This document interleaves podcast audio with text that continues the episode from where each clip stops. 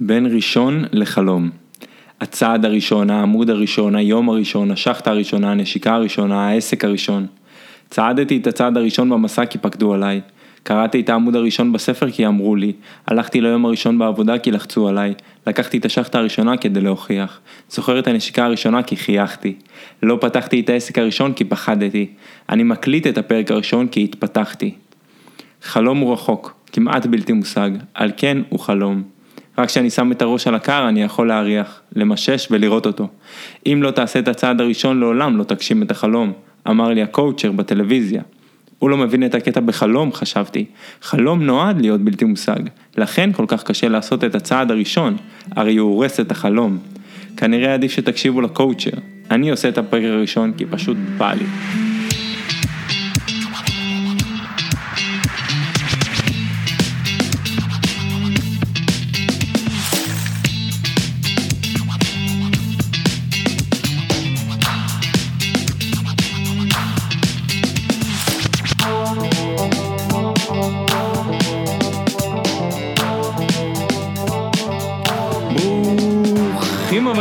לפרק הראשון של החברים של משיח, פודקאסט על כל מה שמעניין את החברים שלי.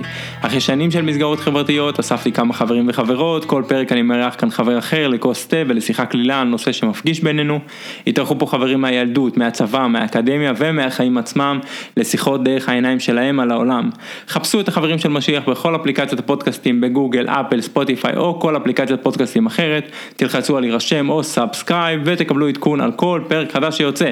והפעם, תום מצטרף אליי לשיחת חברים על קולנוע. דיברנו על חוויות ילדות שקשורות בקולנוע, קולנוע דבר ראשון הוא עושה נעים בבטן, אה, מה זה קולנוע, מה נכנס תחת ההגדרה של זה, למה אנשים עושים קולנוע, איזה השפעה הם מחפשים, קולנוע בעידן הקול, הקורונה, אה, קולנוע ישראלי, מה הייחודיות שלו, איך מודדים הצלחה, הוא גם מספר על כמה אה, דברים מאחורי הקלעים של ההפקות שלו עצמו.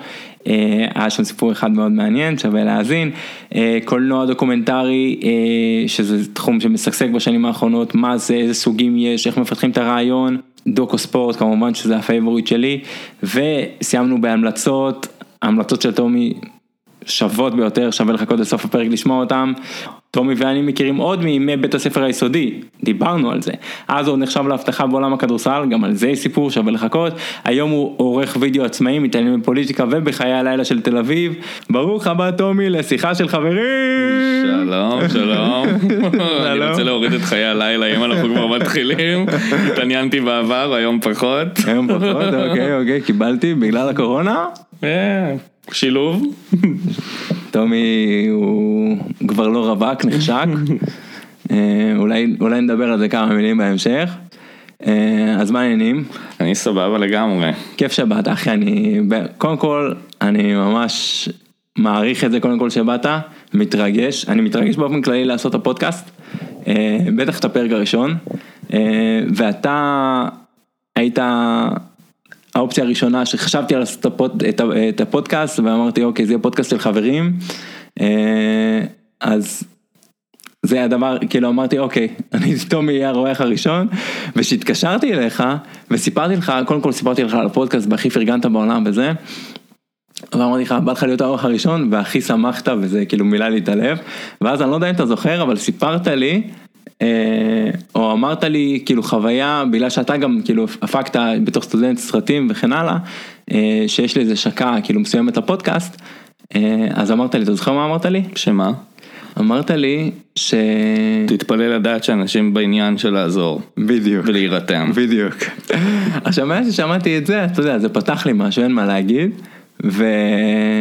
וזכרתי את זה ועד היום אני זוכר את זה כאילו עד היום עברו איזה שלושה שבועות מאז כן אבל זה, זה פתח לי צ'קרה כי היית גם אחד האנשים הראשונים שאמרתי לו ואז תודה על זה וגם זה התברר כנכון. אחרי זה התקשר, כל בן אדם שאני מספר לו הוא קודם כל שמח לשמוע ורק רוצה לעזור ואולי גם זו הזדמנות טובה להגיד תודה למתן שמאוד עזר לי עם הלוגו ויהיה לנו גם אתר בהמשך שהוא יעזור לי. לעצב, אז תודה רבה למתן ובכלל גם לכל הפרקים הבאים ש... שאנחנו נקליט.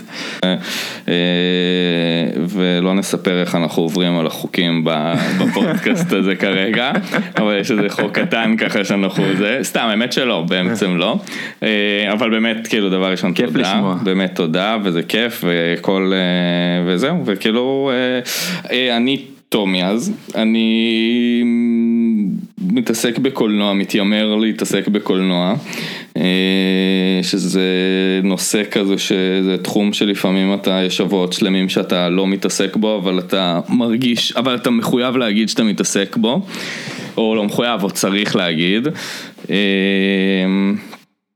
ואני עורך, ואני כותב, ואני מביים. וזהו, ולמדתי במנשר, וסיימתי, ואני עכשיו עובד. מגניב. כשאני חושב על קולנוע, דבר, ניסיתי איך שחשבתי לבנות את הפרק, אז אמרתי אוקיי, קולנוע, החלטנו שאנחנו מדברים על קולנוע. אחד, יוצא לנו מדי פעם לדבר על קולנוע והמלצות ומה אנחנו אוהבים ומה לא, ובגלל שאתה מתעסק בזה ואתה מספר על העבודה שלך וזה תמיד אותי מאוד מעניין. אז חשבתי על קולנוע ובעצם מה... מה החוויות בכלל בקולנוע או בכלל באומנות ומה שגורם לך לזכור אומנות או קולנוע בפרט זה חוויות ילדות אז ניסיתי לחשוב על איזה חוויית ילדות שהייתה בשבילי לא, לא יודע אם מעוררת השראה אבל נחקקה לי בזיכרון וזה אולי יעביר באיזושהי צורה כמה קולנוע הוא, הוא, הוא חורך בבשר. אז עוד שההורים שלי היו נשואים, הייתי בן, לא יודע, שש, שבע, עוד גרנו בזלמן שנאור בתל אביב, במרכז תל אביב. אימא שלי חזרה, אני חושב שהיינו בייביסיטר, או שנשארתי עם אבא שלי, אני לא זוכר, אבל אני זוכר שהייתי במיטה, ואימא שלי חזרה מסרט, והגיעה בשיא ההתלהבות, ו... ובאה אליי למיטה ואני ראיתי שהיא נלהבת, ואתה זה לא היה רגיל, והתחילה לספר לי על איזה סרט מדהים שהייתה עם חברות, והתחילה לספר לי את העלילה של הסרט, ואני זוכר שאני כבר בתור ילד, כאילו נכנסתי לסרט, והיא מספר, ואני שואל אותה אז על מה, מה העלילה, והיא מספרת לי על, ה, על איזה בן אדם שנכנס לכלא, למרות שהוא לא עשה כלום, ו, והוא חופר. שנים בקיר בעזרת איזה איזמל קטן את, ה, את הדרך שלו החוצה ואחרי איזה 20 שנה הוא מצליח לברוח מהכלא. ואני בתור ילד הייתי נפעם מהסיפור הזה וזה נחרח אצלי בזיכרון. וכמובן שרק אחרי שנים הבנתי שהיא מדברת על חומות של תקווה. כמובן זה סרט עטור פרסים ואחד הסרטים הכי טובים שאי פעם יוצרו אבל אני חושב שראיתי אותו פעם ראשונה בגיל יחסי מאוחר, לא יודע, 16, 17, ורק כשראיתי אותו, זה עשה לי את הקליק לאיזה 10, 11 שנים אחורה. שזה היה מטורף, ועד היום, כל פעם שאני רואה את הסרט הזה, על זה אני חושב, על הפעם הזאת שהיא סיפרה לי את זה, שהיא באה והייתה נרגשת, וזה היה... כאילו זה מחזיר אותך לחוויית, לחוויה שלך בתור ילד ששוכב במיטה ואימא שלו חוזרת מהקולנוע ומספרת לו על הסרט הזה. כן, אני פשוט זוכר מה עבר לי בראש וכמה התרגשתי מהסיפור הזה שהיא מספרת לי. גם אימא שלי היא, לא, היא פחות כזאת אחת שמספרת ואתה יודע נכנסת לפרטים אז היא כל כך התלהבה ואיכשהו הצליחה גם להעביר בהתלהבות את, ה, את העלילה של הסרט וזה היה, זה היה פשוט כיף. אז זה כאילו, אתה יודע, זה משהו שכמה קולנוע יכול להיות, זה ילך איתי עד כאילו הקבר, זה קולנוע או בכלל אומנות, או זה גם דברים שנגליתי לאחרונה, כאילו כמה טקסטים שאני קורא יכולים להיות חזקים, אז זהו, זה מדהים, כאילו, נכון. חוויות ילדות. שקשורות באומנות, בקולנוע במיוחד, שזה הנושא שלנו. כאילו אני חייב להגיד שאני, כאילו ההיכרות שלי עם קולנוע דווקא הייתה בצורה קצת שונה, בגלל שאימא שלי היא במאית, נכון. וקולנוע היה חלק בלתי נפרד מהבית. בין אם זה סרטים שראיתי ובין אם זה חוויות או בין אם זה מאחורי הקלעים שהיו בעצם בסלון שלנו בבית.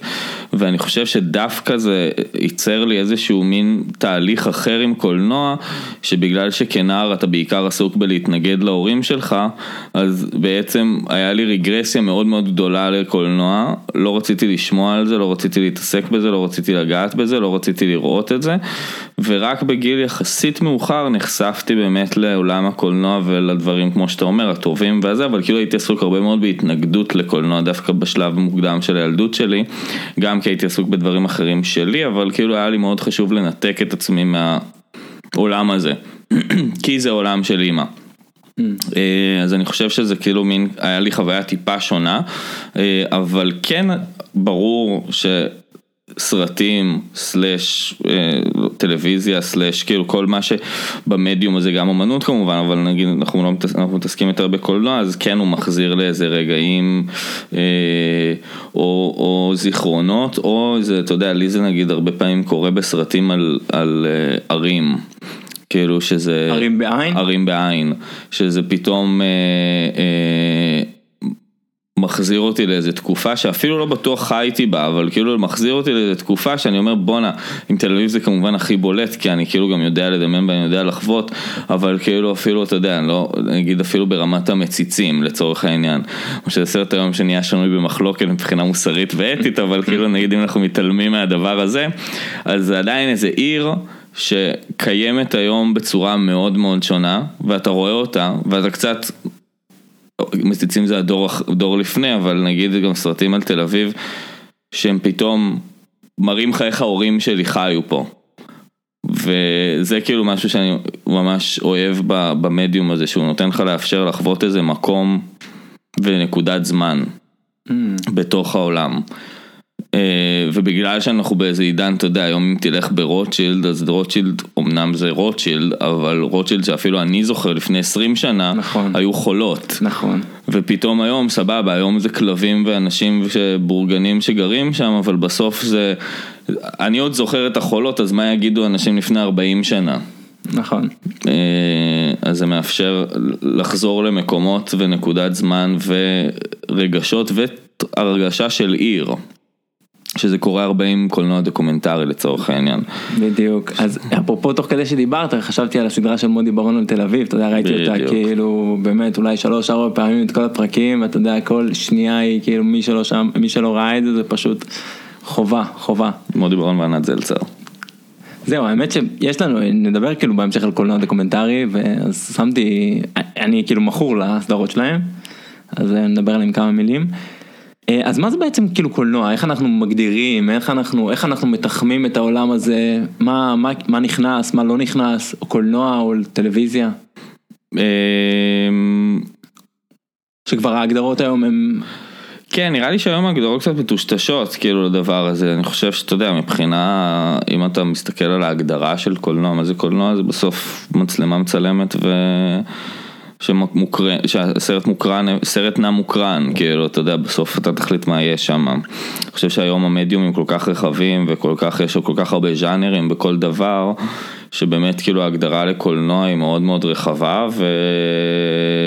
וזה בעניין, בעיקר עניין של טעם, לא של הגדרה בעיניי. כמו שאתה יכול לראות היום בטלוויזיה סרט קולנוע, ואתה יכול לראות בקולנוע סרט טלוויזיה. כאילו יש איזה משהו שהקווים כל כך התשתשו ביניהם. נכון, אבל יש איזשהו קו, נניח אם אני לוקח את הטלפון ועושה סרטון יום הולדת, זה כבר כאילו לא קולנוע. נכון, אבל אם אתה עכשיו עושה סרט, אם אתה מקרין עכשיו סרט יום הולדת, ובאמצע באמצע הברכת יום הולדת מישהו בוכה מאחורה, ואף אחד לא בא לחבק אותו, ואתה מקרין את זה על מסך גדול, ואנשים באים וזה, אתה יכול פתאום לשמוע אנשים שיגידו וואו, זה סרט שמבטא את הרגשות של הילדים האבודים, של זה, של חטופי תימן, whatever, כאילו, אתה יודע, יש כל כך הרבה הגדרות היום לקולנוע, ול home videos, וגם אם תסתכל בקולנוע דוקומנטרי, אפרופו זה, גם באמת המון המון סרטים משלבים בתוכם home videos, שבדרך כלל זה דברים די איזוטריים, כאילו, ודברים די קטנים מהילדות של הדמות, אבל בסוף זה נכנס לאיזשהו משהו יותר רחב. נכון. אז נראה לי שכאילו, לענות על מה זה קולנוע זה בסוף סרט, כאילו, אתה יודע, וזה נותן לך את החוויה הזאת של סרט. אתה יודע, תמיד אני חושב כאילו על, בשנים האחרונות, בתור ילד אני חושב, אפילו בתור מתבגר, אתה יודע, תמיד מאוד, לא רוצה להגיד זלזלתי, אומנות וכן הלאה לא עניין אותי, ואתה ככל שאני מתבגר ועובר בשנים, אז זה יותר מעניין אותי ואני יותר מחפש אומנות או נגיד רוח או דברים שלשמוע דעות של אנשים, אז כאילו קולנוע או טלוויזיה זה, זה כאילו, זה מקום מדהים לעשות את זה, אתה רואה כאילו יוצרים. לגמרי. שמה שמוביל אותי כאילו ל... למחשבה הבאה, אני, אני בא מעולם, בא מעולם, קשה להגיד את זה אפילו, אבל עבדתי ואולי כן סביר שאני אעבוד גם בשנים הקרובות בעולם ההייטק, שם המדידה של אה, או ה, יותר נכון האינסנטיב אה, לעבודה אה, או ליצירה זה בעיקר כסף. אז אני שואל את עצמי אם יוצר שמתחיל ליצור סרט, מה, איך הוא, מה התוצאה שהוא מחפש מלבד כסף, שגם כסף זה אחלה כאילו לעשות, ומה הוא מחפש? הוא מחפש השפעה, הוא מחפש הכרה, מה, מה מניע אותו לבוא ולעשות סרט? אז כמו שאמרת, כאילו, נראה לי שבגלל שאנחנו חיים בעולם היום באמת שיש בו הכל מהכל, אז התשובה הזאת בעיניי, אני, אני אענה על עצמי. אוקיי, בגלל כן, ש... מעולה. שאנשים, כאילו, אני לא יודע מה כל אחד חדוות היצירה שלו, וכמו שאמרת, גם יש אנשים שיכול להיות באמת עושים דברים של לעשות כסף, וזה סבבה. זה סבבה. סבבה לגמרי, ואולי גם אני עוד כמה שנים ארצה לעשות כסף, ואני ארצה לעשות משהו שייצר כסף. אני חושב שאני מנסה ליצור מתוך איזשהו רצון שיש לי, שהוא יכול מצד אחד אה, להיות לו השפעה חברתית כלשהי, ומצד שני גם לתקן פצע פנימי שלי. Mm. אה, ונראה לי שזה תמיד איזה שילוב של שניהם, שזה כמובן תלוי בנושא, אבל הוא לא, הוא לא מנותק אחד מהשני. כאילו, גם אם אני סתם לצורך העניין עושה איזה אה, פרויקט שהוא כביכול במרכאות חברתי, אז עדיין זה באיזשהו מקום גם בא לתקן איזה משהו בי.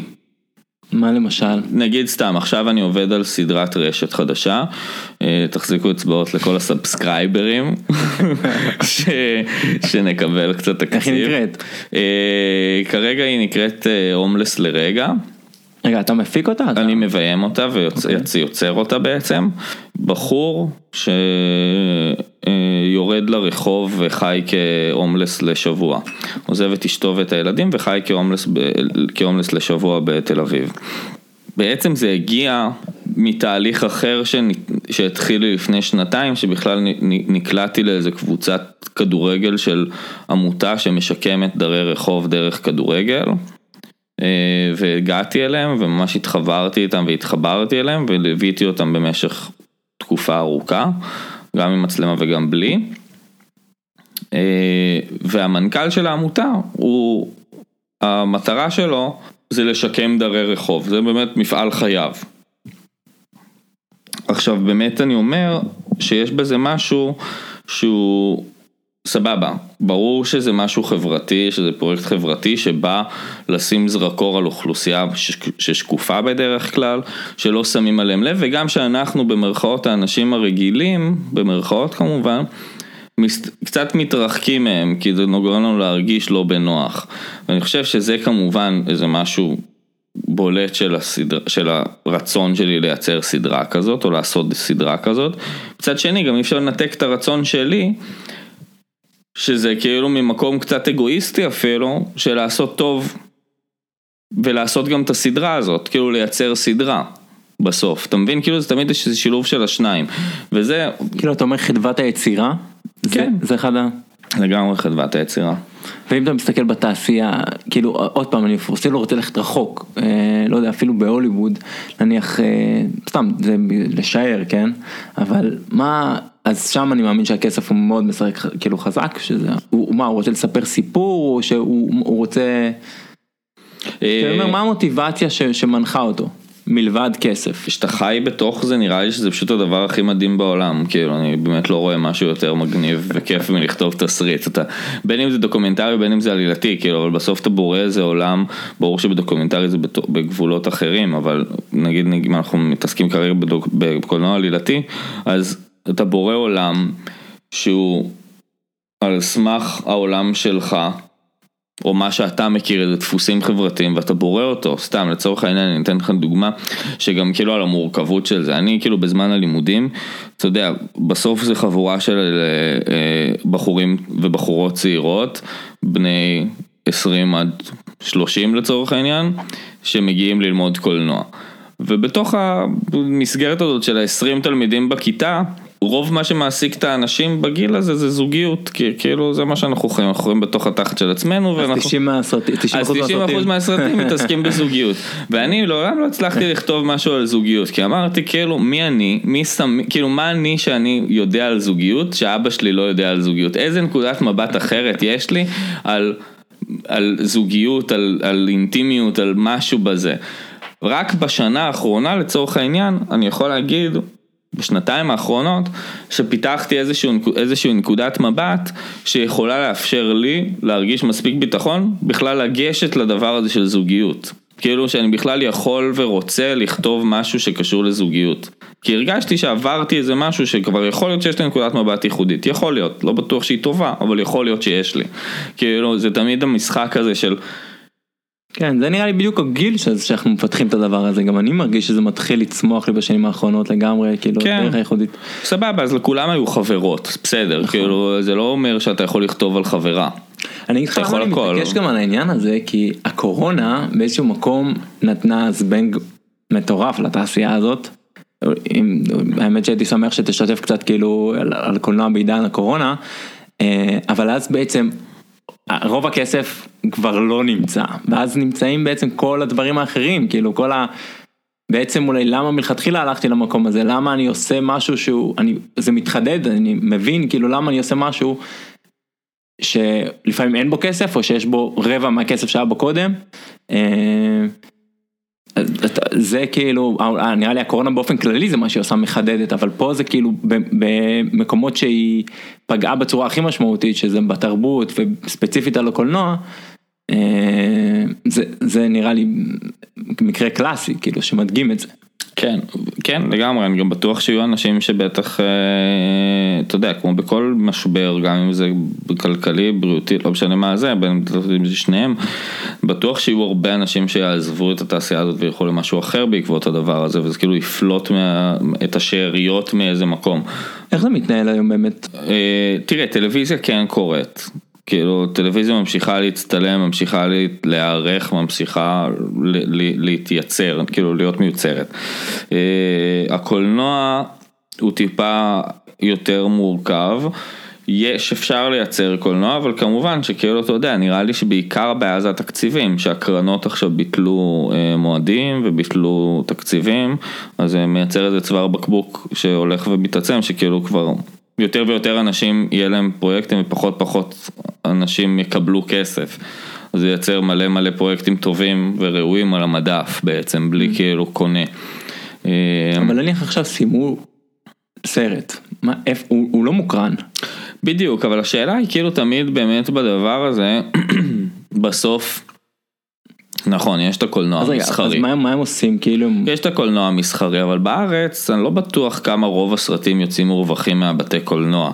כאילו אם תסתכל רגע, ברור שיש את האפס ביחסי אנוש, שזה היה שובר, שובר קופות, אבל רוב הסרטים הם לא רווחיים מבחינת כרטיסים, הם כאילו יותר, אה, הם, הם מועדים לפסטיבלים והם מועדים לזה. עכשיו ברור שזה נתח מסוים שלא נכנס למשוואה הזאת שהוא משמעותי מאוד. אבל בסוף רוב הכסף, או חלק מהכסף, אני לא באמת מתמצא באחוזים, אז אני לא אגיד, אבל רוב, חלק מהכסף שמוזרם לתעשיית הקולנוע מגיע מקרנות ממשלתיות, כאילו שזה קרן רבינוביץ', קרן גשר, קרן חדשה, קרן הקולנוע. אה, אז בעצם זה כספים שמיועדים לתרבות והם ממשיכים, בלי כל קשר לתשואה שאחרי זה הסרט מקבל. הם תומכים בסרט. אבל הסרט, ראיתי נניח שיאיר אגמון אם אני לא טועה, הוא עשה סרט על, אה, על אה, נחמן אומן. ועל ברסלב, כן. ואז הוא הוציא את זה למכירה בפייסבוק ולהקרנות, אז זה כאילו המודל שהולכים אליו לפחות כרגע? שאלה טובה, האמת שכן, נראה לי שכבר זה מגמה שכאילו קיימת כבר כמה שנים טובות, נראה לי שהקורונה חידדה את זה פי מאה, אה, שיותר ויותר אנשים גם אה, מייצרים קולנוע עצמאי, מבורך. לגמרי, לגמרי. אה, גם קולנוע עצמאי, גם קולנוע, אה, כן, כאילו דל תקציב, שבעצם גם אתה, אתה יודע, זה קצת כמו המהפכה של, של עולם המוזיקה בשנות התשעים, שהיה כאילו את חברת התקליטים, את NMC נראה לי, או את עד ארצי, או אני לא זוכר מה זה, שהם היו שם יחד, כאילו. הם הוציאו את כל האלבומים, והם כאילו תפרו אמנים במשך שנים, כי הם היו מחויבים, אבל בסוף, היום, נד... כאילו, אתה יודע, מאוד זול לייצר ביחס לקולנוע בטח, אבל יחסית, כל אמן יכול לייצר דיסק בבית, כאילו, לא צריך, גם מעבר לזה שלא בטוח צריך דיסקים היום, אבל לא, לא בטוח, בטוח שלא. נכון, זה, אגב זה גם בדיוק מה שאנחנו עושים פה. בדיוק. לא יודע, יכול להיות לפני 10, 15, 20 שנה היינו צריכים כאילו... נתחיל, ב, נתחיל בזה שהיית צריך להשכיר אולפן, שהיה לך שני מיקרופונים, כאילו היה לך את אמזון להזמין. רק להסביר, אנחנו פה בחדר עבודה, עם שמיכות מסביב כדי שיקלטו כן. קצת את הרעש, קנינו שני מיקרופונים ואנחנו מדברים, ואנחנו עכשיו סבבה, ברור שכאילו בסוף, אתה יודע, יכול להיות שאם באמת לפני 10 שנים, עזוב שכאילו הציוד בטח השתפר פלאים מאז, אבל... כאילו, מבחינת מקצועיות יכול להיות שזה היה כמה אחוזים מעל. האולפן שהיית מזכיר, היינו נפגשים נכון. באולפן, היה מישהו שמקליט את זה אבל גם היום יש לי את האופציה לעשות את זה. בדיוק, אבל מצד שני, אתה אומר, זה מגיע למיד ריינג' כאילו הרבה יותר... אה, מה שאני הכי אוהב ביצירה עצמאית, בכל תחום אגב, לא יודע, בעיתונות, אה, בטח באומנות, אה, בתקשורת, בכל דבר, זה מעבר, גם לדברים שציינת, אבל הכי, הכי, הכי מהכל זה את אה, חופש היצירה. כי בסופו של דבר אפשר גם לראות את זה הרבה עם, ה, עם העיתונים, או כמו שציינתי עם חברות התקליטים, אה, האומן רוצה להוציא איזה שיר שהוא רוצה להוציא, אבל חברת התקליטים אומרת לו לא, זה לא ימכר, זה לא זה, זה לא, זה לא שמיע, או עיתונאי רוצה להוציא איזה... אה, לספר סיפור שמעניין אותו, אבל זה, זה כרגע לא הפוקוס של העיתון, והעיתון אומר לו לא, לך תעשה את הכתבה 1, 2, 3. מהסיבה הזאת, אני חושב שכל אה, הדברים עצמאיים חייבים להיות מאוד מאוד חזקים מול, ה, מול הקואופרטיבים או, ה, אה, או ערוצי ההפצה המרכזיים. כדי ליצור את האלטרנטיבה הזאת, ואנחנו רואים את זה בכל תחום עכשיו קורה, בכל תחום, עיתונות חופשית כאילו נכון. משגשגת. יש לי סיפור מצחיק על זה, אם כבר מדברים. אני לא אספר שמות, אני כאילו רק אספר את הסיפור, אבל... אה, א' כל באמת אני לא יכול להגיד שחוויתי הרבה צנזורה, כאילו נתחיל מזה שכאילו באמת אני מרגיש שיצירה ישראלית א', אולי בגלל שאני יוצר, א', בגלל שאני יוצר מתחיל גם, אז כנראה שעוד לא נחוויתי באמת מהגופים, כאילו מהגופים המשדרים לצורך העניין, אבל כן הייתה לי איזה חוויה אחת שנזכר, ששכרו אותי וחבר לה, לכתוב אה, אה, תסריט לסרט. וזה היה דרך חברת הפקה ומול כאילו גופים אה, מסחריים. אה, וזה היה ספר, סרט על פי ספר שהוא כאילו איזה ספר ילדים, כזה, ספר נוער סליחה, של כזה גולשים ובנים ובנות וכאילו מאוד פלט אבל כזה זה וייצרנו איזה מין משהו כזה של איזה עשרה או עשרים עמודים וכתבנו זה. עכשיו חלק מהדבר היה שהיום בני נוער, וגם נגיד זה אפילו לא היה בני נוער, זה היה כאילו גילאים נגיד ה-20 המוקדמות או 18 או 18 פלוס, אה, החלטנו שהם כאילו מסניפים מלא רטלין במהלך הסרט, כאילו שזה הדבר, הם מתמכרים לרטלין והם מסניפים רטלין. על פי דעתכם.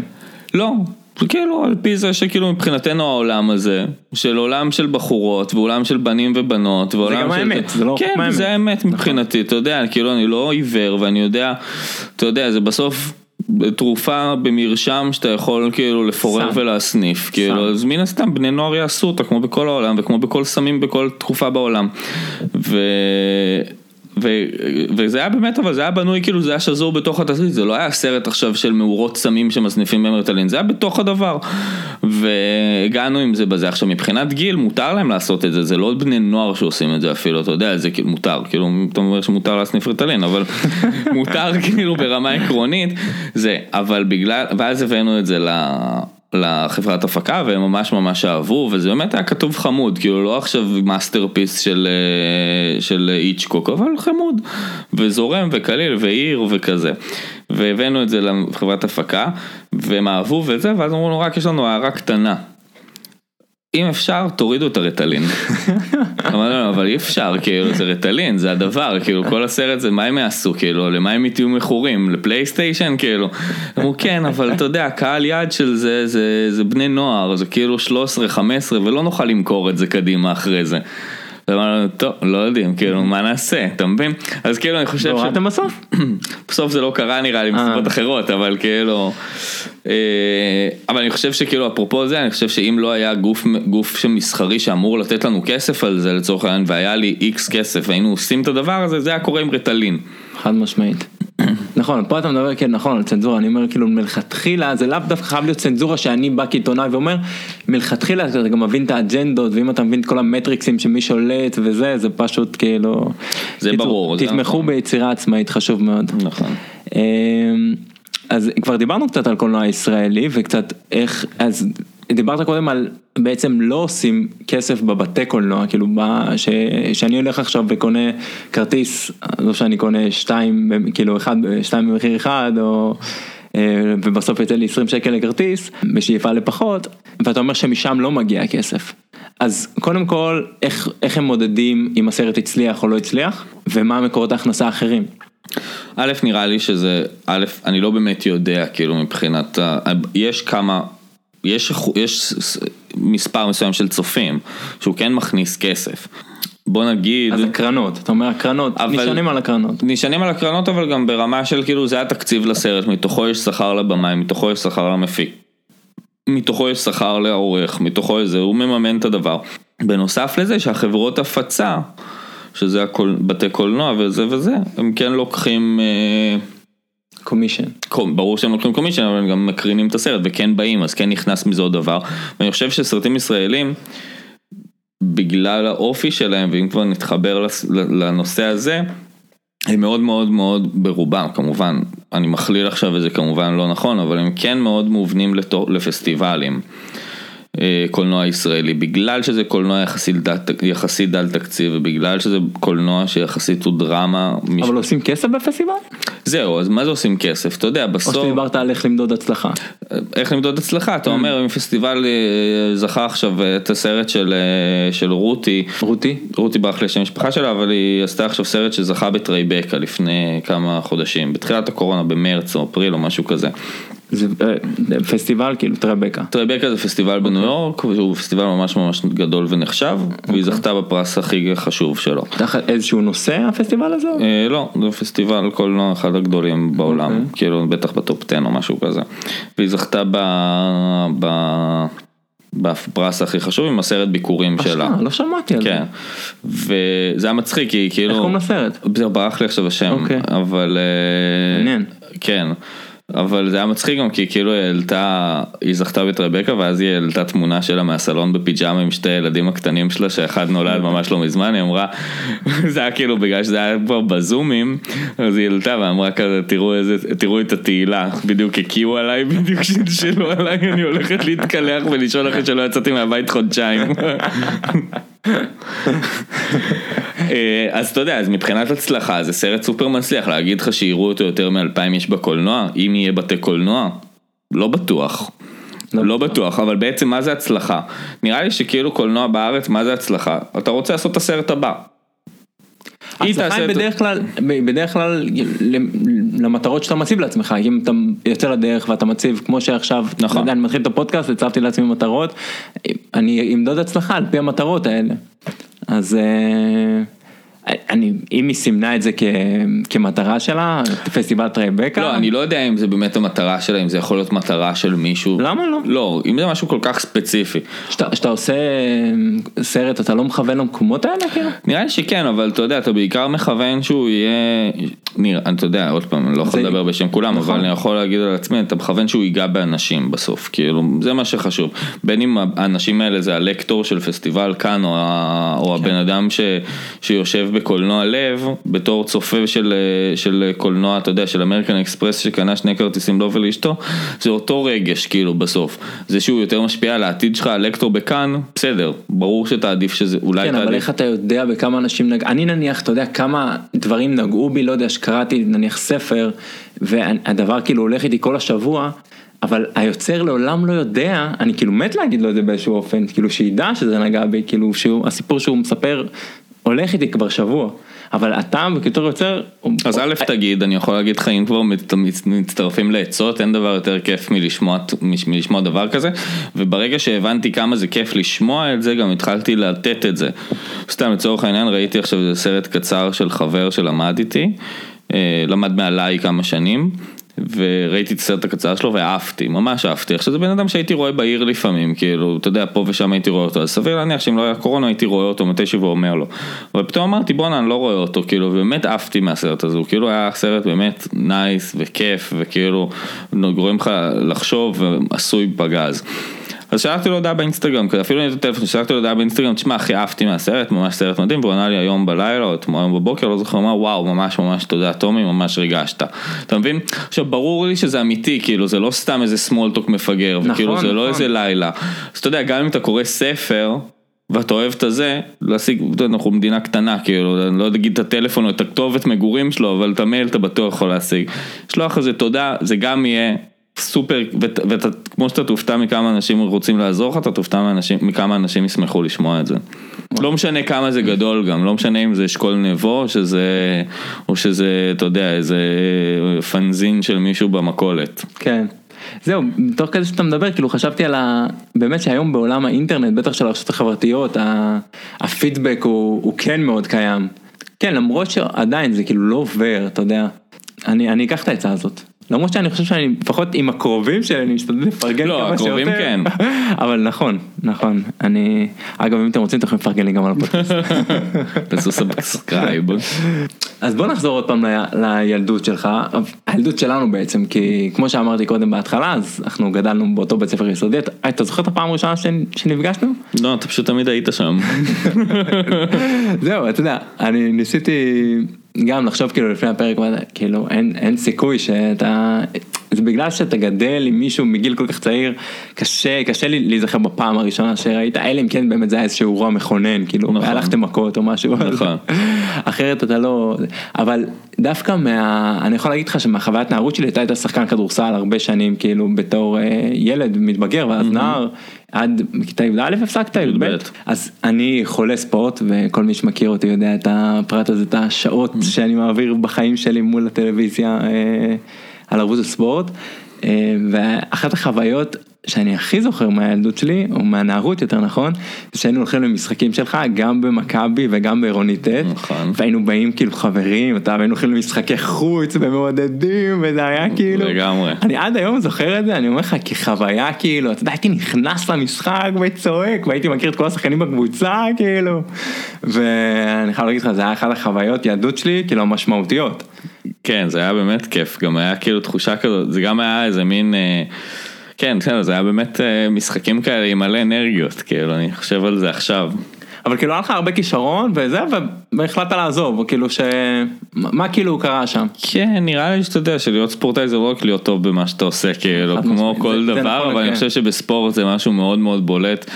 אם אתה מסתכל אפילו על השחקנים הגדולים, סתם, אפילו אם אנחנו הולכים הכי רחוק, כאילו לברון ג'יימס הוא לא השחקן הכי כישרוני שיש היום נכון. בזה, אבל הוא השחקן שרוצה הכי כנראה מכולם פי 800. ואם אתה הולך לרזולוציות יותר קטנות, אז גם טומי יכול להיות שהוא היה יותר כישרוני מהאנשים שכנראה אתה רואה היום על המסך במשחקים.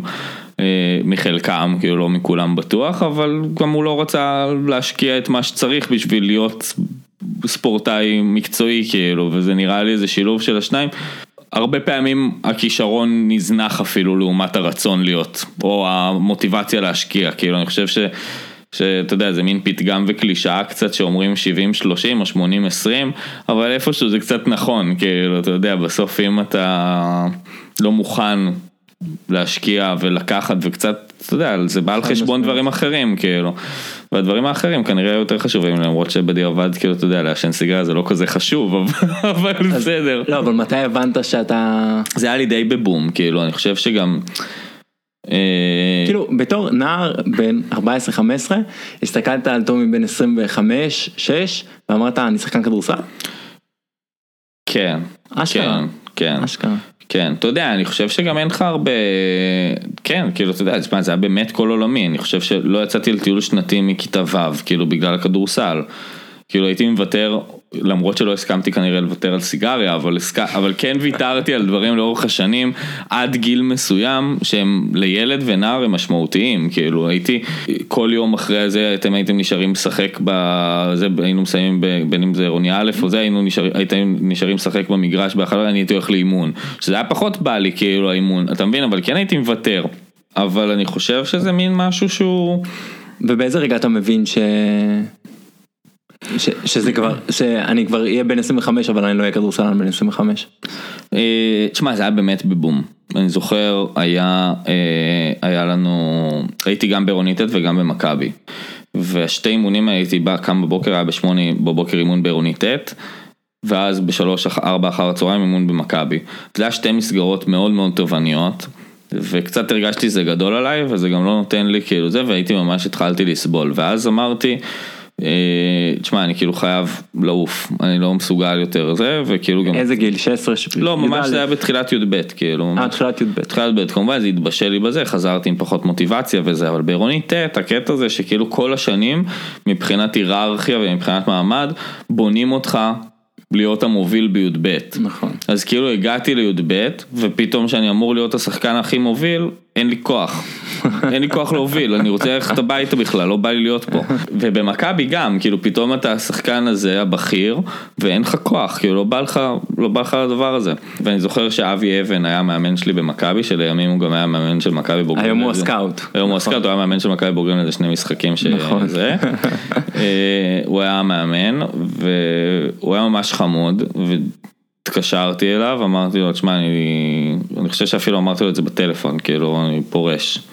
עכשיו אתה יודע זה מין לא כזה, זה. מין משהו שכאילו היום זה נשמע אני פורש כאילו מפסיק איזה חוג, מפסיק איזה חוג כנער, זה כאילו היה מין כזה, הוא אמר לי טוב טוב, פגש בשלוש, אמרתי לו לא לא אני באמת אני, זה, ואז הוא אמר לי טוב בוא, זה, הוא התקשר לאבא שלי, אבא אמר לי תשמע, אבא אמר לו כאילו תשמע נראה לי שהוא רציני כאילו, ואז uh, קבענו לקפה.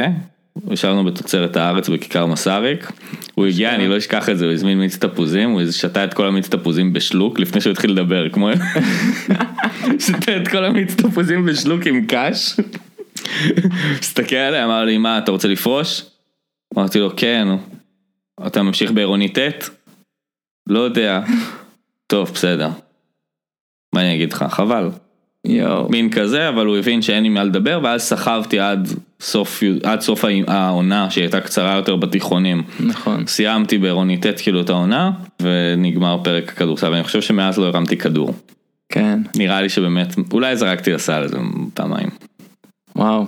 אה, וואלה לא ידעתי הרבה מהדברים שאמרת האמת. באיזה שלב אתה מתחיל להבין שאתה עשית אני זוכר קורס תסריטאות נכון? אחרי הצבא גם טיילת בדרום אמריקה קצת חזרת ואז עשית קורס תסריטאות וזה הרגע שאתה מבין כאילו שזה מדגדג לך שזה בא לך?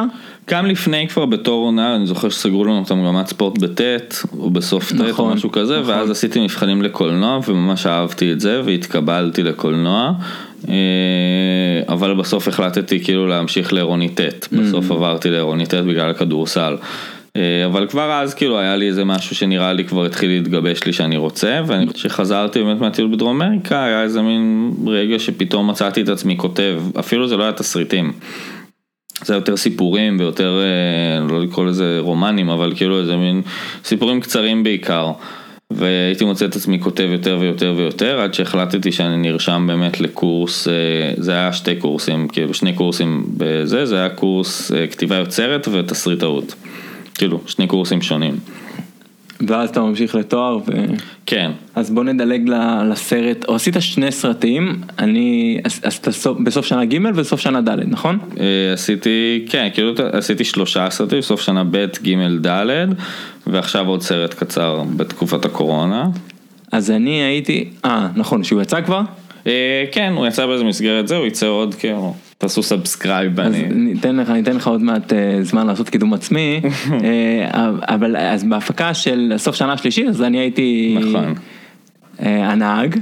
קודם כל אני חייב להגיד לך שמאוד התרגשתי לעשות, להיות חלק כאילו מאחורי הקלעים, זה פעם ראשונה נראה לי שהייתי מאחורי הקלעים של איזושהי הפקה ואתה יודע לראות את ההתנהלות ואת הסדר זה נורא עניין אותי אה, הייתי שם סנג'ר כאילו כן אבל לקחתי את זה באהבה זה היה כיף זה היה בדרום באיזה משהו צופר נכון? בצופר בצופר בערבה אה, אני מתן ועוד כמה חברי ילדות היינו שם כאילו באנו לעזור כאילו זה היה אה, זה הייתה חוויה אני מאוד נהניתי מאחורי הקלעים. מה אתה עוד יכול לספר לנו על מאחורי הקלעים של סרט, הסרטים שעשית האמת שזה הכי מעניין אותי. אה, האמת שיש באמת בלי סוף, כאילו, אז אתה יודע, זה כזה רק name it, כאילו, מה אתה צריך. אה, אבל אפרופו, אתה יודע, לא סיפרת שבתור נהג נקרא לך, וואו, זה היה מפחיד. בדרך לערבה נקרא לך, מה נקרא? התפוצץ הצמיג השמאלי, נסעתי על דוקטו, שזה... עם מלא ציוד עם מלא ציוד, כאילו, הפקה, וזה אוטו שאני לא רגיל לנסוע אליו, זה אוטו גדול, כאילו, בטח אתם... איזשהו שתיים וחצי טון יותר אפילו אני חושב ופתאום אני שומע בום מהגלגל השמאלי האחורי ומסתכל במראה ורואה שוואי והיה לידי הסאונד שלא הכרתי הכרתי אותו שלוש דקות קודם כאילו ואני אומר לו ישר התפוצץ לנו גלגל ואני עוצר בצד ואנחנו מחליפים את הגלגל אבל וואו זה יכול להיגמר ממש ממש. יכול להיגמר אז האמת שבסרטים כאילו איזה קטע כי אני חושב שתמיד גם אני זוכר שהייתה לי מורה שאמרה את זה בלימודים. שאתה צריך לחבק את הלא צפוי שקורה. אוקיי. Okay. ובסרטים הלא צפוי בעצם מייצר לך את בסוף, לפעמים כמובן אתה יודע זה מין, אה, לא, זה לא כולל הכל אבל זה מייצר איזה מין משהו שלא היה אמור להתרחש וזה האמת של הקולנוע לפעמים. אה, אז אני חושב שיש משהו באמת בלא צפוי הזה שהוא יכול להיות הדבר הזה שאתה לא מתכנן. אוקיי, okay, תן לנו דוגמה. אז באמת בסרט גמר שעשיתי בסוף שנה ד', זה היה על שחקן כדורסל, על נער כדורסל, אתם יכולים לדמיין מאיפה זה הגיע. אה, לא ניכנס יותר מדי לזה, אני רק אגיד, כאילו הדבר הזה של הלא צפוי. אה, הסצנה הראשונה בסרט הייתה אמורה להיות אימון שהם מכדררים את הכדור, כאילו הקבוצה מכדררת את הכדור ומשחקת ווטאבר, אה, כאילו בזה. והגיבור, כאילו הנער בעצם, הוא גם משחק. וליהקתי, לקח לי מלא מלא זמן ללהק, הוא היה אמור להיראות בן 14, אבל היה אמור להיות לו אה, מחשבה והבנה טיפה יותר מבוגרת, ולקח לי המון המון זמן ללהק את הגיבור, איזה חצי שנה אולי אפילו יותר, ובסוף ליהקתי מישהו שהיה מושלם, גם נראה, גם נראה כמו שרציתי, גם שחקן מדהים כאילו, וגם זה, אה, אבל אמרתי כאילו איזה כמה שבועות לפני הצילומים, פתאום כאילו מהתסריט זה נהיה באמת בן אדם. אז אמרתי בוא ניפגש באיזה מגרש כדורסל, נראה רגע איך אני מצלם את הסצנה הראשונה. אה, עכשיו אתה יודע, בוא נגיד, הוא שחקן מעולה, אבל שחקן כדורסל הוא לא. כמה לא, כמה לא. ויכול להיות שזה פעם ראשונה שהוא נגע בכדור, הדבר הזה. ואני אומר, עכשיו אמרתי אוקיי סבבה, או שאני נכנס איתו עכשיו, א' יכול להיות שבאמת אין לו את זה, כאילו יכול להיות, ואמרתי אני כאילו בהתחלה אמרתי טוב יאללה אני אכנס איתו ברבק של אימונים אני אעשה לו כל יום אימון. ואני רואה נפגשים פעמיים שלוש ארבע לא קורה. זה לא קורה. עכשיו אני אומר אני מתיימר לעשות סרט על שחקן שהוא כדורסל, כדורסלן מקצועי לא יכול להיות שהוא לא ידע לכדרר. כאילו אתה יודע זה נראה מגוחך עף לו הכדור עף לו הזה זה כאילו מה אתה עושה? מה אתה עושה? אז אני יושב יושב יושב מדבר עם הצלם מדבר עם זה. עכשיו מגיע כבר יום או יומיים לפני הצילומים וזה אמור להיות הדבר. עכשיו כל הזה את זה. אני אומר, זה גם לא רק זה, זה גם שתי סצנות. כי יש משחק שגם הוא משחק עם המאמן שלו, והוא אמור לקלוע לסל והמאמן להחזיר לו כדור. אבל אי אפשר לערוך את זה, לעשות כאילו שהסל נכנס. כן, אבל אז יש לך מלך הסלים עם זה, זה כאילו הופך להיות איזה מין משהו מהאיטיז. אז אתה אומר, מה אני אעשה? אני כאילו אומר, טוב, בסדר, אין מצב. אז בסוף אמרתי, טוב, אז שכל הקבוצה פשוט תעמוד בשורה, והוא יוריד אותם לשכיבות צמיחה כל הזמן, ואז פשוט ואז פשוט יצר וממש הוחלט כמה שעות לפני הצילומים. ואז יצא מדהים כי גם המצלמה מצלמת ישר, ואז השחקן עולה ויורד, עולה ויורד, כאילו מהמצלמה. אז פתאום זה היה הרבה יותר כיף. רגע, לא הבנתי, הוא לא כדרר מול המצלמה? הוא לא כדרר, לא כדרר כלום. כלום. כלום. וגם אחרי זה, במקום לזרוק לסל, עשיתי בסוף, החלפתי ביניהם, והוא כאילו עשה לו אימון פוסט-אפ. המאמן, אה. אז כאילו הוא דחף אותו אחורה והוא לא היה צריך לכדרר, בעצם. גדול. אה, כן, אז זה כאילו זה מין משהו שאתה אומר בסוף, סבבה שאתה כותב. על הכיפאק, תעיף, תעוף עם הדמיון שלך, אתה יכול לדמיין מה שאתה רוצה, אבל בסוף יש אנשים, יש שזה, מציאות, יש מציאות שהיא מייצרת את זה, ואני חושב שהקורונה, אפרופו זה, מאוד מאוד חידד את זה גם, שהוא באמת גרם לאנשים, הוא גרם, הוא גרם לראות את המציאות בצורה הרבה יותר צנועה וקטנה. כאילו יש את האנשים שלך, בין אם זה בחיים הפרטיים ובין אם זה אחרי זה בקולנוע.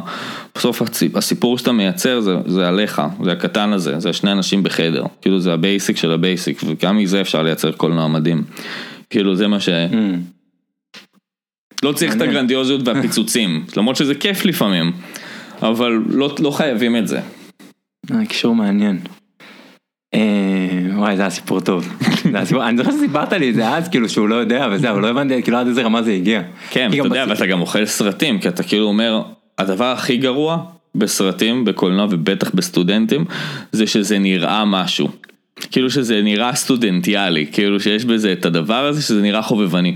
ואין יותר גרוע מלספר סיפור על שחקן כדורסל שלא יודע לכדרר. זה כאילו, איך שאתה לא הופך את זה, זה יהיה גרוע.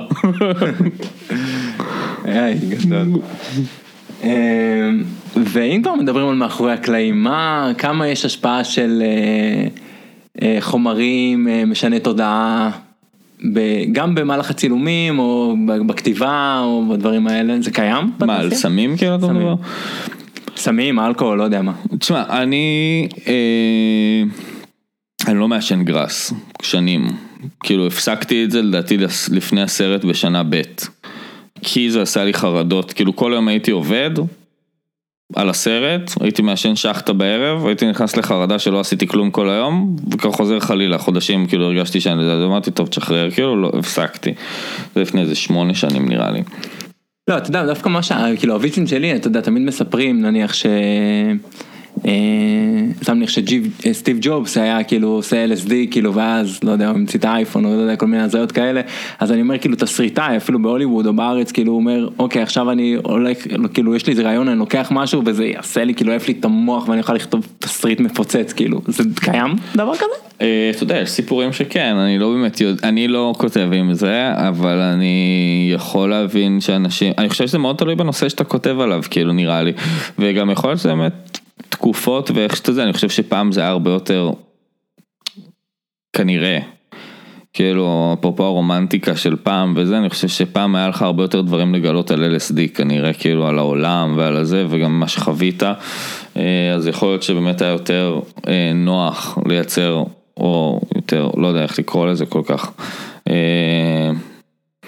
אה, ספציפית אני לא מכיר כל כך אנשים שיוצרים על זה, אה, אני מכיר אנשים שאתה יודע, שיצרו כן. עם זה, יכול להיות שגם אני באיזו סיטואציה עם אלכוהול וסמים יכול כאילו ליצור משהו, אבל זה לא שאני מרגיש שככה אני יוצר.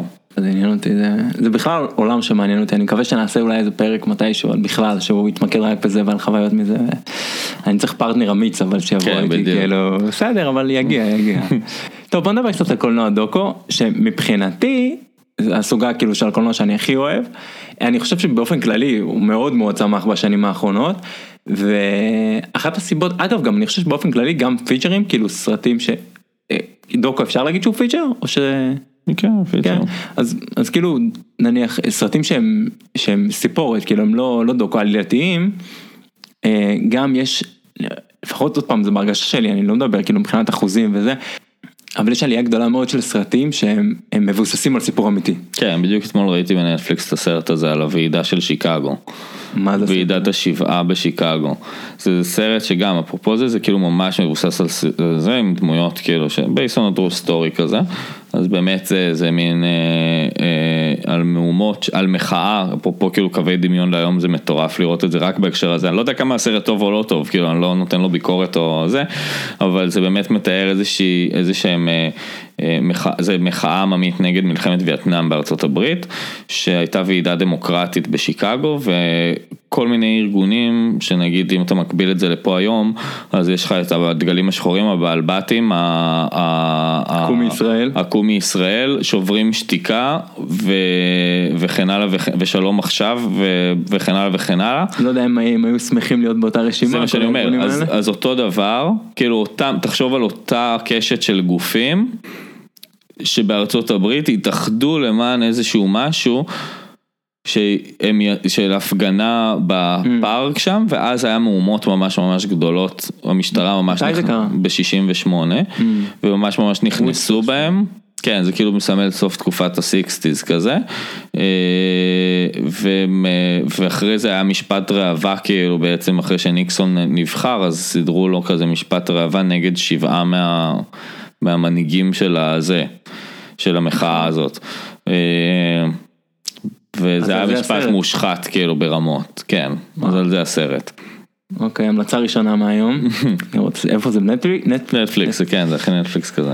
אז, אז מה זה דוקו? כאילו מה, מה מגדיר דוקו? מה, מה, אה, מה הקווים של דוקו? יש, אני סוגים של דוקו, נכון? יש דוקו שהוא כזה ודוקו שהוא כזה. תשמע עוד פעם, נראה לי שבהגדרות האלה באמת כאילו, אני לא יודע מה זה באמת אוקיי, דוקו, לא והאמת הגדרה, יותר אבל- מזה, אפילו יותר מזה, אני גם לא, בדיוק היה לי שיחה עם אחד האורחים במאים, לא משנה שאני עובד איתם, שאפילו אמר לי שאין כזה דבר דוקו מבחינתו. אוקיי. אה, שאין דבר כזה באמת קולנוע שמתעד מציאות. יש קולנוע שמתעד את היוצר עושה סרט על המציאות. אה, אז אם אתה נכנס אפילו להגדרה של זה, אז אתה אומר כאילו בעצם סתם, אני עכשיו אצלם אותך, אני לא אצלם את המציאות שלך, אני אצלם את הנקודת מבט שלי על המציאות שלך, היא תהיה רחוקה שנות אור מהמציאות שלך, אני אחליט מה נכנס למציאות הזאת. אז בעצם מה זה מציאות? אני יכול כאילו לגרום לך וליעל בת זוגתך, אני יכול לגרום לכם להתחבק ו- ו- ולאהוב, אני יכול לגרום לכם להיראות גם כמו זוג שלא מחליף מילה. אחד עם השני. אני חושב שאפרופו, כאילו בדוקו הזה אין כזה דבר משהו אמיתי לגמרי, אין מאה אחוז אמת. כן, זה כמו שאומרים על האח הגדול, שזה כאילו סופר דוקו יענו. שזה הכל בעצם איך שה... בדיוק. אתה מחדיר דברים לזה. עכשיו מצד לא. שני, ברור שיש קולנוע, אבל עדיין בדיוק, זהו. ברור שיש קולנוע דוקומנטרי, ואני גם לא תומך בגישה הזאת של אין קולנוע דוקומנטרי, אני חושב שיש. אז איך אני יודע, כשאני רואה כאילו סרט, אני אומר אוקיי, זה דוקו, כאילו. אז זה הקטע, אז לא בטוח שאתה באמת יכול לדעת. אה, אוקיי. אה, אה, אתה יכול, אתה יודע, אם אתה באמת חובב ואתה מסתכל ואתה מצליח לפתח את זה, אתה יכול להגיד איפה זייפו, אבל גם מה זה זיוף, אתה מבין? נראה לי, אבל אתה יודע איך שאני לפחות מגדיר דוקו, כאילו, ההגדרה שלי זה, אני, אני, זה סרט שאני לומד ממנו, כאילו, אני, אני הרבה פעמים אפילו פותח את הטלוויזיה כדי ללמוד, כאילו, אני רואה עכשיו דוקו ואני לומד, להבדיל נניח מ- מסרט אה, עלילתי שאני אני רואה, והרבה פעמים זה לפן, אני רוצה להעביר איזה שעה, וזה יכול להיות גם בדוקו, כן, אבל...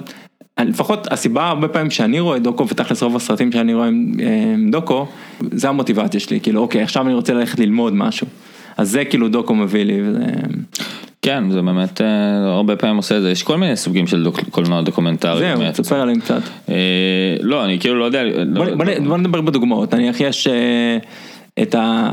הכי מפורסם, לפחות מבחינתי הדוקו שדיברנו עליו קודם של מודי בר-און וענת זלצר שהם עושים, אה, הם- קודם כל מי שלא ראה הם עשו, אה, הם לוקחים נושא ומפרקים אותו לכמה פרקים, הם עשו על תל אביב דיברנו קודם, על כביש 90. הקיבוץ, על כביש 90, הם עשו משהו על הסכסוך הישראלי פלסטיני. מדהים. אה, אז קודם כל מומלץ מאוד לראות.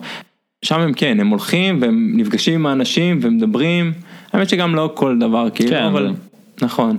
אה, להבדיל נניח יש את הדוקו האמריקאי, אז סתם נניח מה שעכשיו היה Last Dance, הסיפור של אה, מייקל ג'ורדן, אז אה, זה רוב הסרטי הספורט האמריקאים הם כאלה שאחרי שנים משלבים תמיד מקטעי ארכיון, ול- ורעיונות. מול רעיונות, כן. אז יש, רגע, אתה גם עשית דוקו פעם? עשית, לא, אני מנסה עכשיו לעשות דוקו, אבל... אה, שאיזה סוגה הוא כאילו? אה, תיעוד כזה האמת יותר חלק, אני לא, אוהב, אני לא רוצה לעשות את זה עם רעיונות, אבל כאילו איזה מין משהו יותר, אה, פשוט לתעד איזה מציאות.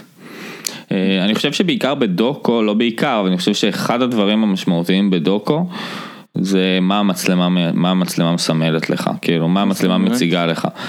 נגיד אפרופו זה, אה, אה, הס- הסדרה על מייקל ג'ורדן, המצלמה היא נוכחת, הדמויות מעבר לרעיון, מעבר לארכיונים שיש שם, המצלמה נוכחת וכל המרואיינים בעצם פונים למצלמה.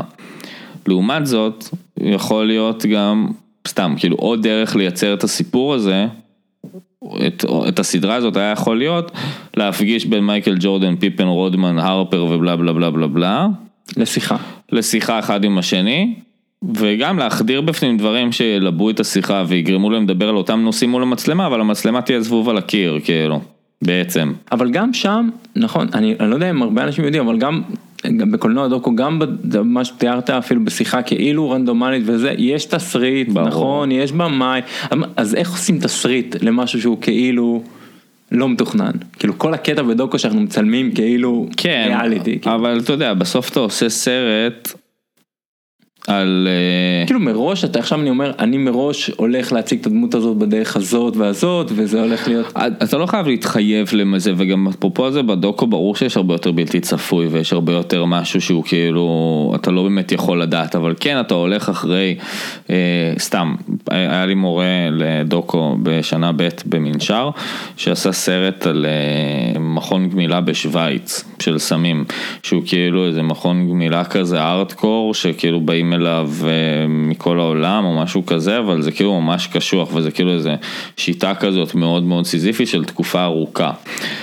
והוא הראה לי את התסריט שהוא כתב לזה, אה, לפני הצילומים בעצם, לפני שהוא נסע. אז הוא ידע את מי הוא הולך לצלם שם, כאילו היה לו כבר דמות מסוימת, והוא ידע מה התהליכים, מה, מה השלבים של הגמילה. בין אם זה אמבטיית אה, ג'ל, אה, בין אם זה הקאות בזה, בין אם זה מדיטציה בזה, הוא ידע מה השלבים של הגמילה הזאת שם, בהרים בזה. אז הוא משלב את הידע שלו ואת התחקיר שהוא עשה על הדמות, עם המהלך שהוא יודע שהיא תעבור שם, ומייצר איזשהו משהו שברור שהוא לא יכול לדעת אם היא תקים מהג'ל הזה או לא. אבל הוא יכול לדעת שהיא תעבור את הגמילה הזאת, ואם בהתבסס על התחקיר שלו, הם חווים רוב האנשים בשלב השני את המשבר הכי גדול שלהם, הוא יכול לשער שהיא תרצה לחזור הביתה, בין אם זה יהיה בדקה 7 או דקה 13, זה לא משנה, mm-hmm.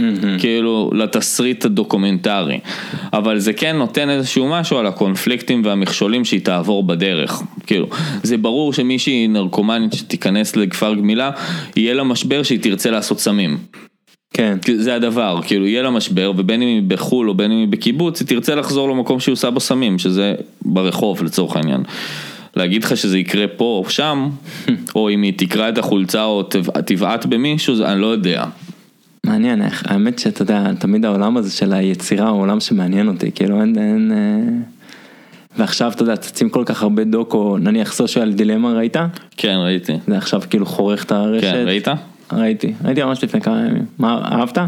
אה, כאילו, הפתיע כן. אותך אגב? זהו, לא. כמה, כמה לא הכרת את מה שאתה, אני, אני אגיד לך, אני מאוד הכרתי. אתה הכרת שם, אתה כן, עולה, אתה קצת- נכון, אני, כאילו זה היה לי, ידעתי, אז- כמה- אז כמה אתה הכרת? אז הכרתי, אבל כאילו, אתה יודע, עד היום אני, כאילו, אתה מכיר ומכחיש בוז, כאילו, נראה לי שזה מין, רק כאילו, אולי נגיד, כאילו הסושיאל דילמה, קוראים לזה בעברית נראה לי מסך עשן או משהו כזה, זה כאילו מספרים על כל מאחורי הקלעים של הסושיאל מדיה, על הרשתות החברתיות, ואיך הם, בעצם המודל הכלכלי שלהם הוא להשאיר אותך כמה שיותר זמן על המסך, אה, אתה המוצר כאילו, המוצר הוא בחינם, אבל זה הופך אותך למוצר, יש להם אינסנטיב או אינטרס להשאיר אותך כמה שיותר זמן מול המסך, כדי לדחוף לך כמה שיותר פרסומות, אז בשביל לעשות את זה הם דוחפים לך כמה שיותר אה, תוכן אה, שגורם לך להיות כמה שיותר במסך, והרבה פעמים זה באמת תוכן שהוא מאוד אה, ברוטלי, קיצוני וכן הלאה, וזה מה שבעצם משליך על הרבה דברים אחרים שאנחנו רואים בעולם, אה, זה, זה בכמה דקות על הסרט, אגב מאוד מומלץ לראות וזה.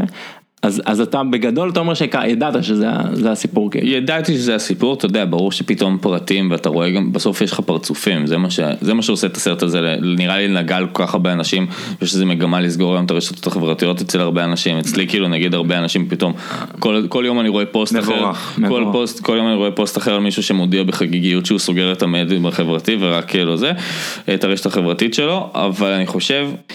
הדבר שהפתיע אותי באיזה, א', לא יודע אם הפתיע זאת המילה, אבל אני חושב שמה שגרם לי לדבר, לדבר הזה לחדור גם אליי וגם לעוד אנשים, זה פתאום לראות את האנשים האלה בעמדות מפתח, מספרים בגוף ראשון על זה שהם מודים שזה הדבר, וגם הם אומרים, יש לי ילדים, לעולם הם לא יהיו בפלאפון שלהם בערב, נכון. ואין דבר כזה, נכון. אין דבר כזה.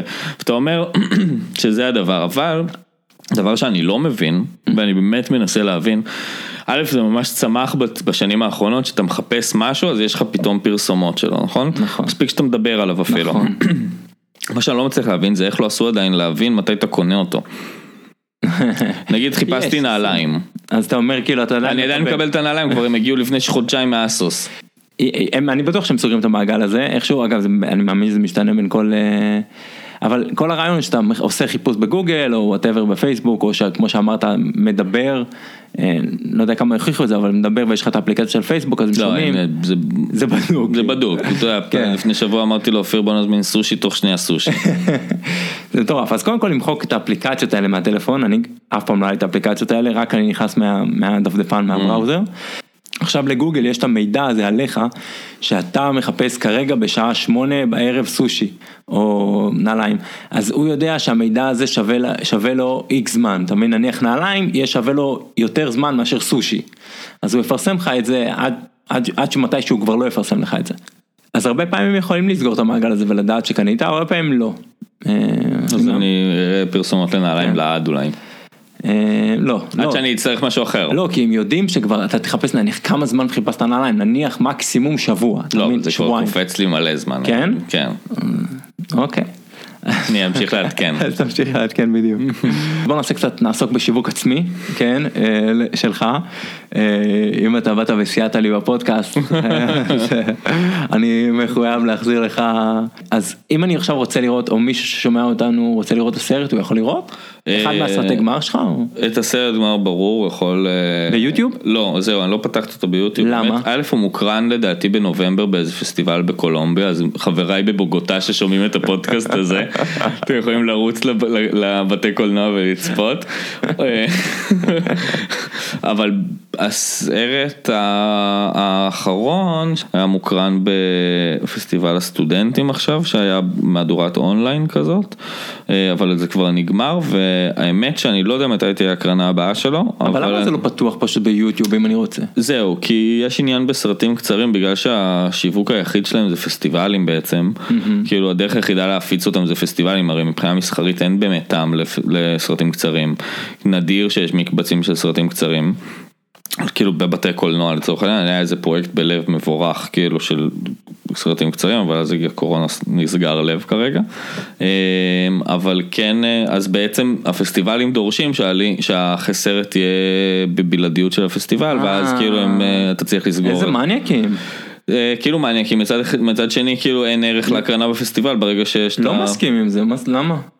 כי נגיד סתם אפילו תסתכל על זה באיזה בתי קולנוע או בדרך לפחות אחרי הפסטיבל, אתה לא יכול לשחרר אחרי לי? הפסטיבל אתה יכול. אה, אוקיי. פשוט הם דורשים בלעדיות בדרך כלל, פסטיבלים גדולים דורשים פרימיירות גם, אמ, כאילו הצגה ראשונה. הצגה ראשונה, ופסטיבלים קטנים יותר דורשים אה, רק כאילו, אתה יודע, הקרנה, אה, לא משנה, בכורה במדינה, בכורה בזה, תלוי איפה אתה מקרין. אה, אבל אה, אז אפשר לראות אותך? כאילו את הסרטים? אה, אפשר את הסרט גמר, אני יכול לשלוח הכל, אז אוקיי. כאילו זה דבר ראשון. אז לשלוח, לחפש את בדיוק, שפריר בפייסבוק ולבקש... ואני אעדכן שם מתי זה יעלה וזה. אז אבל רגע, הפסטיבלים עברו כבר, אתה לא יכול להעלות את זה ליוטיוב?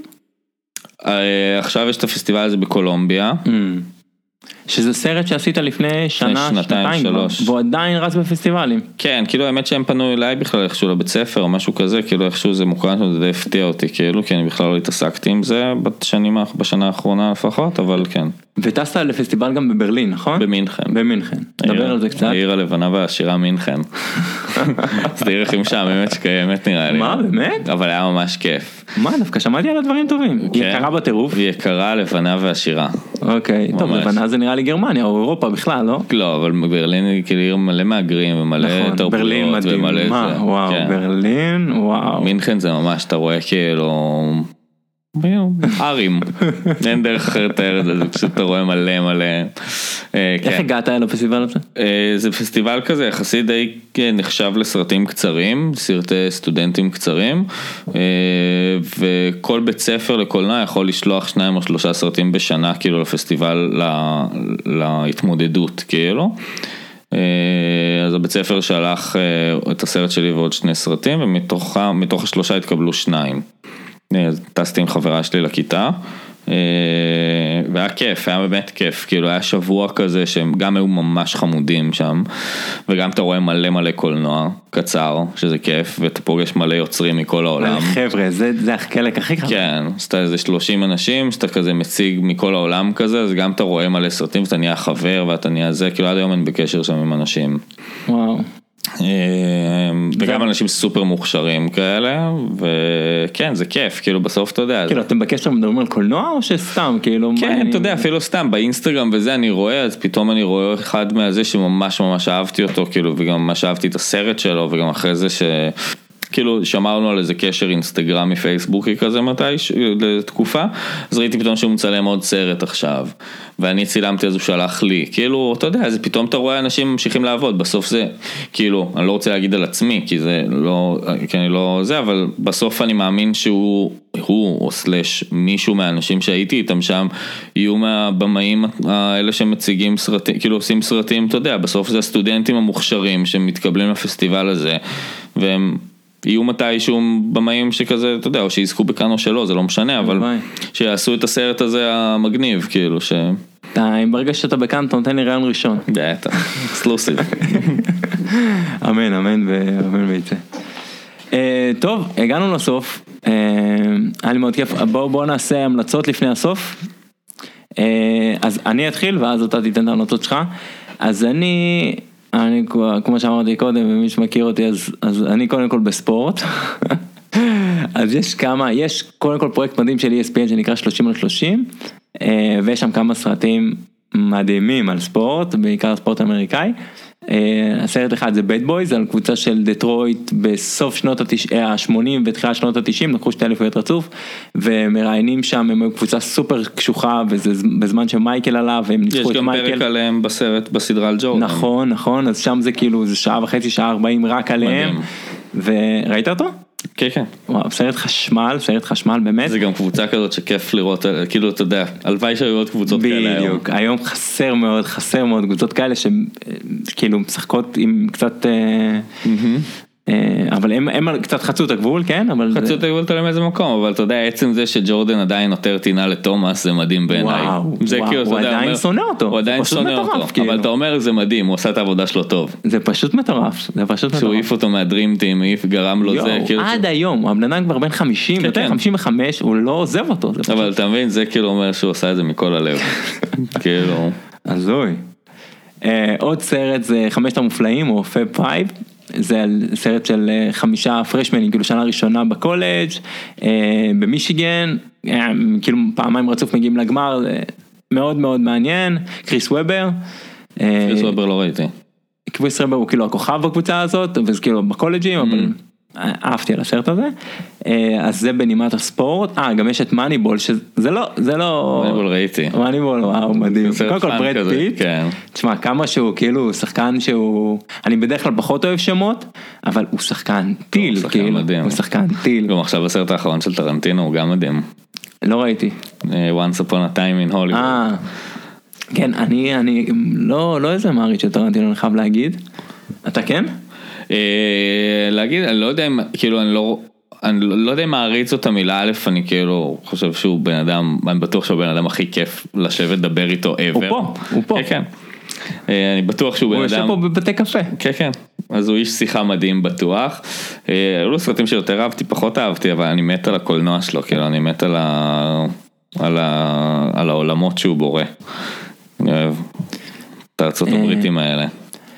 אה, אז מאניבול גם, כאילו סרט על בייסבול וזה, אני עף עליו, אה, ולא קשור לספורט, אז זה סרט שאחרי זה מתן, גם מתן חבר ילדות שלי והייתי עכשיו שותף שלו כמה שנים, אה, וגם עזר לי עם הלוגו כמו שאמרתי קודם. אז הוא אמר לי על מחפשים את שוגרמן, אתה מכיר? וואו. Searching for וואו, אז כאילו זה על ספה, על זמר מדרום אפריקה בזמן האפרטהייד, שהם בכלל לא ידעו מה קורה בחוץ.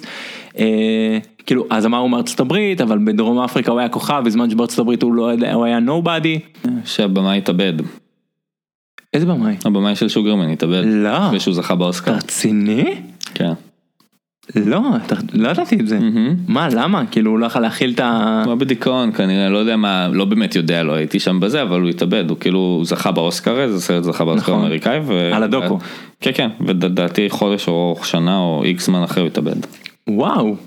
כן, אתה משנה לגמרי את הסרט. כן, כן. לגמרי. אז תן לנו המלצות שלך.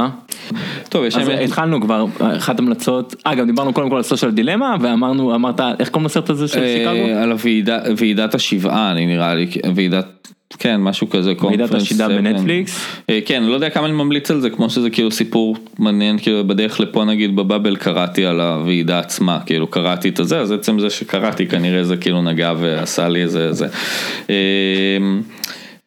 האמת שכזה, יש לי מלא מלא המלצות שתמיד אני כזה איכשהו ממליץ, אז אני...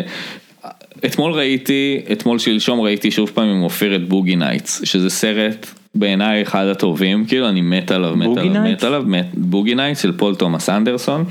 איפה מוצאים אותו? אה, איפה ראיתי אותו? אני ראיתי אותו בנטפליקס אתמול, כאילו לדעתי הוא כבר אוקיי. בנטפליקס. אה, סרט מ-98 אם אני לא טועה, משהו כזה. אה, מעבר לזה שזה סרט מדהים, זה על עלייתו ונפילתו, זה שחקנים מדהימים, מט דיימון הגיבור שם, ויש שם עוד, כנראה תראו את הסרט, זה כזה מין cast שלא נגמר של שחקנים טובים כזה. פסקול, אני חושב שזה אחד הפסקולים הטובים אי פעם לסרט. ממש, כאילו יש איזה פסקול מדהים, וזה בעצם אה, על ארצות הברית של התקופה אה, 70's, 80's, 90's, אה, על תקופת ה... בעצם על הקפיטליזם והשוק החופשי בארצות הברית, דרך עלייתו ונפילתו של כוכב פורנו. וואו. אה, וזה סרט פגז, אז כאילו אתה, אתה הכל עוד שם. פעם השם?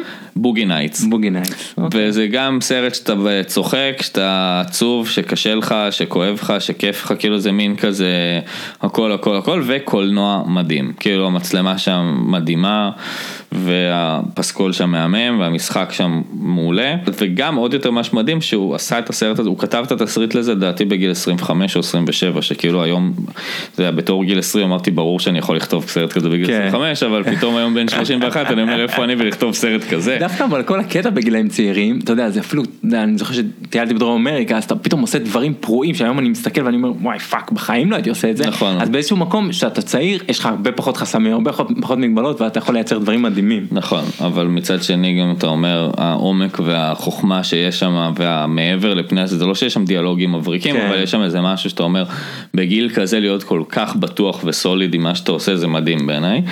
אה, וזה נדיר גם לאללה, כאילו, אתה יודע, בוא נגיד, הייתי אומר שזה מישהו כאילו עם חוכמה של כזה גיל 50. אה, עשה את הסרט הזה, והבנה כזה על החיים ומה באמת זה ובלה בלה בלה. אה, זה דבר ראשון. דבר שני, סרט שאני ממש ממש אוהב, שאני חושב שאני ממליץ זה לכולם, וחלק שונאים אותי על ההמלצה וחלק אוהבים אותי, זה תלוי בבן אדם שאתה.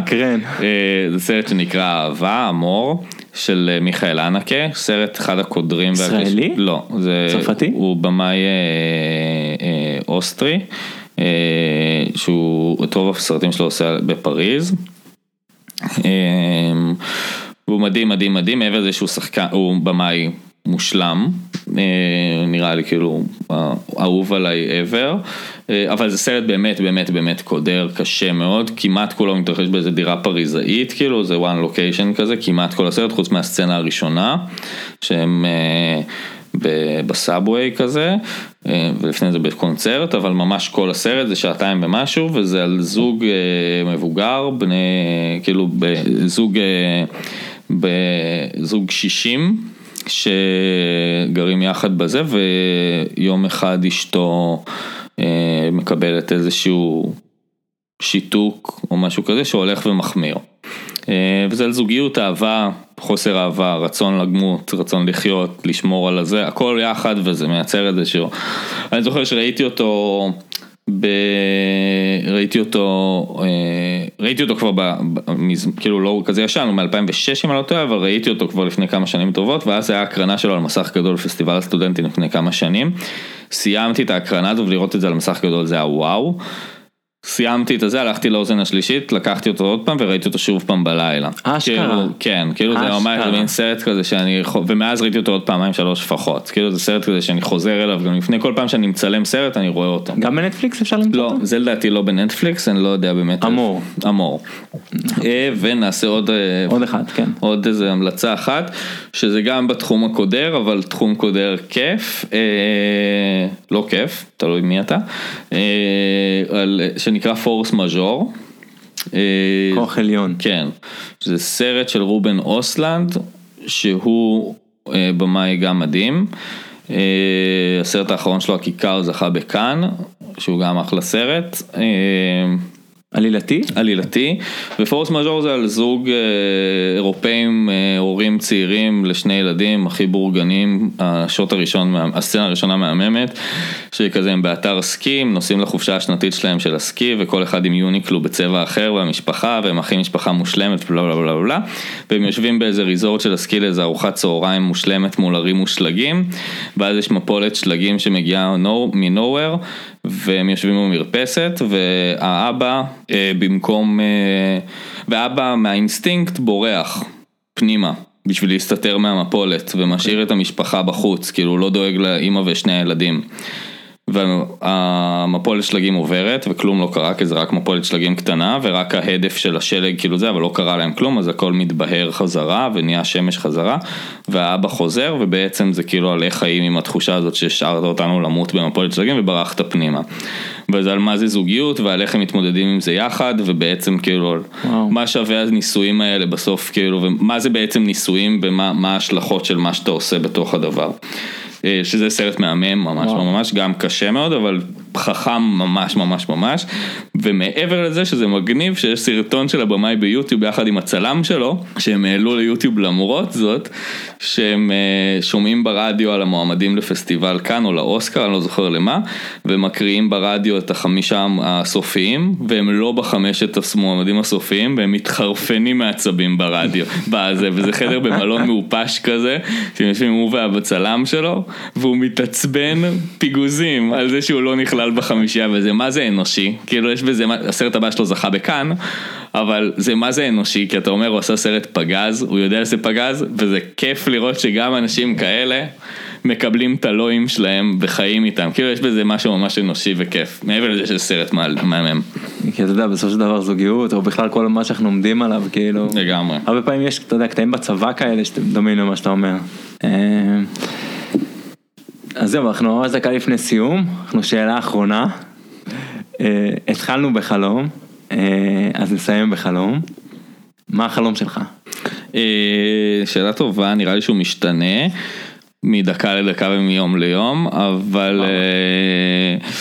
נראה לי שהחלום, אתה יודע, ברמה מקצועית ברור שזה, לא, מה שאתה חייב להגיד מה שאתה, מה, מה, לא חייב מקצועית. אז נראה לי שלאט לאט, אם בהתחלה, לפני כמה שנים, אני חושב שכאילו החלום שלי היה נטו מקצועי, אני חושב שלמדתי לשלב את האישי עם המקצועי בחלומות שלי גם, שגם יהיה לי טוב בחיים האישיים, לא רק במקצועיים. יותר חשוב לפי דעתי. אז זהו, אז כאילו, הלא יותר חשוב זה כבר, אני לא יודע באמת זה, כי אני חושב שהם ניזונים אחד מהשני מאוד, אבל אני חושב שאם פעם היה חשוב לי בעיקר ההצלחה המקצועית שלי, אני חושב שהיום אני כבר יודע לשים דברים שכאילו הרבה יותר חשוב לי באישי, ואפילו לוותר על המקצועי מהאישי. אז מה החלום? בדיוק. לא יודע, אז שיהיה לי טוב, כאילו, לעשות סרט. אז אני גם מאחל לך שתגשים את החלום שיהיה לך טוב. יס, היה כיף, משיח, אה, באמת היה כיף. יס, זה כיף, אני עוד פעם אגיד לך כיף שבאת, אה, היה לי גם כיף, אה, אני מקווה שגם יהיה למאזינים כיף לשמוע את הפרק הזה. אז אני מזכיר פעם אחרונה להירשם לפודקאסט, אנחנו נמצאים בכל האפליקציות הפודקאסטים, בגוגל, אפל, ספוטיפיי, תירשמו, בקרוב מאוד אני מקווה שיהיה לנו אתר ותוכלו לראות גם את האתר שלנו, וזה הכל, תעשו אהבה לא מלחמה, תודה תומי, ביי. קאט.